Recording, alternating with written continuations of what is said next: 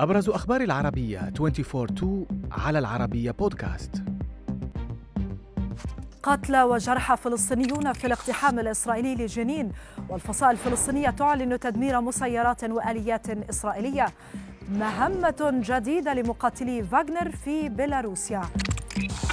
في العملية العسكرية الأوسع للجيش الإسرائيلي منذ نحو 21 عاما ارتفعت حصيلة الضحايا الفلسطينيين نتيجة اقتحام القوات الإسرائيلية لمدينة جنين ومخيمها إلى عشرة قتلى ونحو خمسين جريحا وفقا لوزارة الصحة الفلسطينية.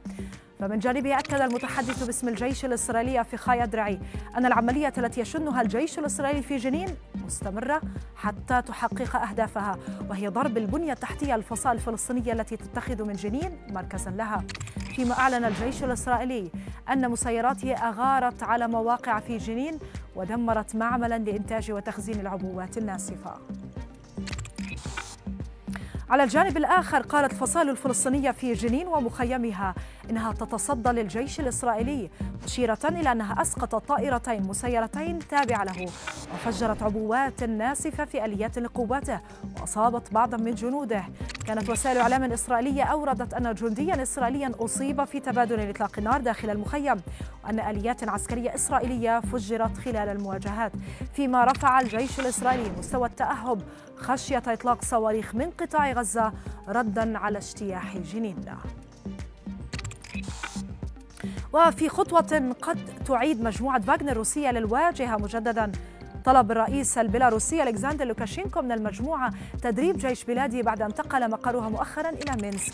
طلب لوكاشينكو جاء بعد أسبوع تقريبا وساطته الناجحة في نزع فتيل التمرد المسلح لقوات فاغنر ضد موسكو.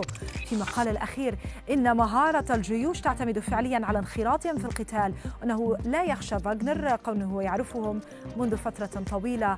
مضيفا أنهم قاتلوا في جميع أنحاء العالم وأوكرانيا لم تكن المكان الوحيد. دعاوى قضائية جديدة تواجهها شركة تويتر المملوكة لإيلون ماسك. بعد اتهامها بعد الامتناع عن دفع ثمن خدمات المكاتب في لندن ودبلن وسيدني وسنغافورة حيث بلغت مديونياتها آلاف الدولارات بحسب صحيفة The Guardian البريطانية. كانت تويتر توقفت عن دفع إيجار بعض مكاتبها وعن الدفع للعديد من الشركات التي كانت لا تزال تستعين بخدماتها. كما ألغت أيضا كثيرا من العقود. وتوقفت عن الدفع لأشخاص تدين لهم بالمال.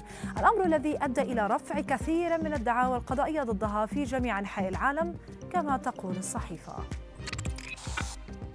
نختم النشرة من عالم الفضاء حيث يعمل خبراء روس على تطوير الدفيئة التي ستساعد في زراعة النباتات بمحطة الفضاء الدولية بحسب ما جاء في بيان صادر عن الشركة الروسية المتخصصة بالصناعات الفضائية.